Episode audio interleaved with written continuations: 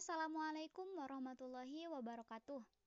Hai, kenalin, aku Ajeng Ani Satu Rahmah. Salah satu mahasiswi di Universitas Pendidikan Indonesia Kampus Tasikmalaya. Kali ini aku bakal ngobrolin tentang sampah. Sebelumnya, udah seharusnya di masa pandemi ini saling ngingetin dengan cara yang baik. Untuk kamu yang harus bepergian, selalu stay safe ya. Jaga jarak dan selalu pakai masker.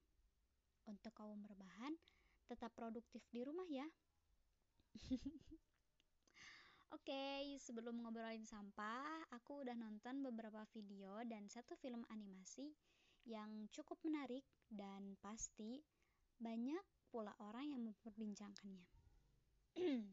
Karena menurut aku film itu emang rekomendasi banget gitu buat kita yang berada di era milenial ini. Meskipun awal tayang film itu pada tahun 2008 Nah, ada beberapa hal yang aku dapatkan dari tayangan video serta film itu.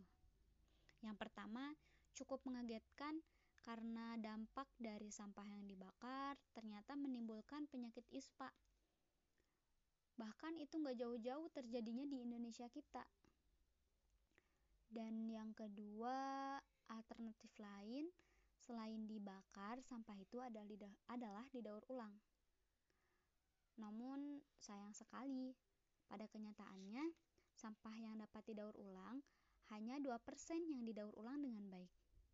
Dan sisanya dibiarkan begitu saja. Nah, yang ketiga, aku dapat di salah satu percakapan pada film itu yang isinya tuh gini. Di sanalah rumah kita dan sedang dalam masalah. Aku tidak bisa duduk saja tanpa berbuat apa-apa. Aku tidak bisa duduk saja tanpa berbuat apa-apa. Kalau kamu duduk aja dan gak ngapa-ngapain gak bakal ngerubah bumi kita. Gitu loh. Kalau dibahasain dengan bahasa aku.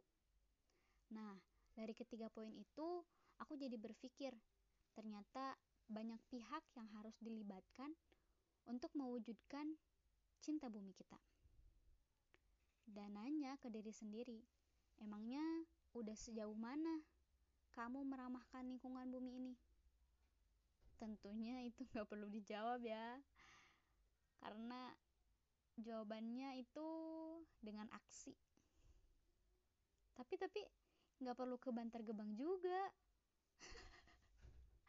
Mulai aja dari hal yang kecil, pemakaian kantong kain untuk belanja, dan membawa tumbler untuk minum. Itu udah lebih dari cukup dan terbilang menjadi awal yang baik. Atau jika kamu terpaksa harus memiliki sampah, maka kamu mempunyai tanggung jawab untuk mendaur ulang sampah yang kamu dapatkan. Semoga dari podcast ini cukup membuat sebuah kesadaran untuk aku sendiri dan untuk kamu yang mendengarkan. Ini udah, udah berada di akhir podcast. Aku mau ngucapin terima kasih udah dengerin dari awal sampai akhir. Semoga bermanfaat. Tunggu podcast aku selanjutnya ya. Have a good day. Bye. Assalamualaikum warahmatullahi wabarakatuh. Hai teman-teman semua. Saya Ajeng Ani Satu Rahmah, biasa dipanggil Teh Ajeng. Dan saya Rizky Jahrotul, biasanya dipanggil Deiki. Asik, podcast kali ini aku bakal ditemanin sama Deiki sampai akhir nih. Nah, di sini kita bakal ngebahas tentang eh, pencemaran lingkungan. Asik, pencemaran lingkungan. Nah, sebelumnya kita kan udah jalan-jalan tuh. Iya, Teh Ajeng, di sana banyak hal yang sering diabaikan. Wow, sering diabaikan ya. Emang kamu menemukan menemukan apa? Aku di sana menemukan sampah.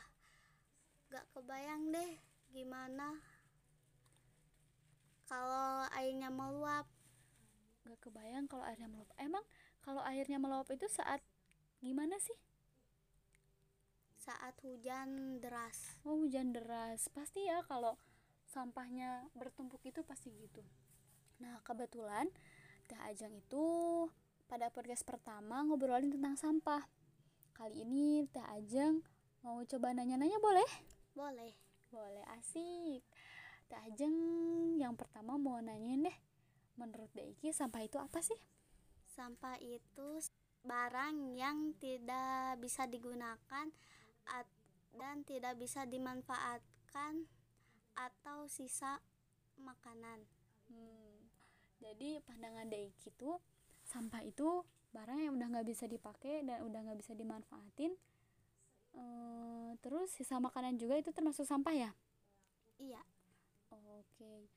Uh, Teh aja mau nanya lagi ya kalau menurut Deiki barang yang udah nggak bisa dimanfaatin itu seperti apa sih? Hmm, kayak botol-botol gitu. Botol-botol gitu. Oh bekas minum kayak gitu ya? Iya. Hmm. terus tadi Deiki nemu nggak sih di sungai? Hmm, nemu. Oh nemu ya. Nah itu jadi sebuah teguran gak sih kalau Daiki sendiri suka buang sampah ke sungai nggak? Ayo jujur aja. Suka. Suka. Terus uh, kan Daiki tahu tuh kalau airnya deras itu bakal meluap katanya teh gitu kan? Tapi Daiki juga suka ngebuang sampah ke sungai. Jadi gimana tuh? Terus ke depannya Daiki mau ngapain? Gak mengulangi lagi. Oke okay gak mengulangi lagi terus uh, Teh Ajeng juga bakal sedikit ngasih tahu ya ternyata sampah-sampah plastik itu bisa didaur ulang loh. Dikit tahu cara mendaur ulangnya? Hmm, gak tahu. Gak tahu. Oke nanti uh, habis ini kita bakal langsung ngedaur ulang. Sekarang Teh Ajeng mau ngedeskripsiin barang eh, barang-barang yang bisa didaur ulang itu. Deki tahu botol-botol? Tahu. Tahu nah Deki tuh bisa ngolah botol-botol itu teh jadi sebuah kerajinan tangan. Deki sama teman-teman yang lain bisa tuh kayak ngereka-reka buat gantungan di jendela atau apa pun atau bisa tuh jadiin tempat pensil di meja belajar kalian. Nanti Deki coba ya sama teman-teman. Iya. Oke eh, kiranya podcast kali ini cukup dan dilakukan dengan waktu yang sesingkat-singkatnya.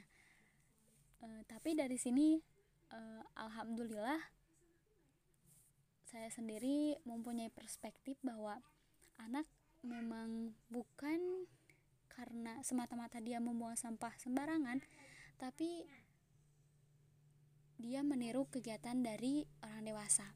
Maka dari itu, tentunya banyak pihak yang harus dilibatkan dalam memelihara lingkungan sekitar kita. Maka dari itu, mari jaga lingkungan kita dengan tidak membuang sampah sembarangan. Terima kasih. Wassalamualaikum warahmatullahi wabarakatuh. Dah, sampai jumpa di podcast selanjutnya.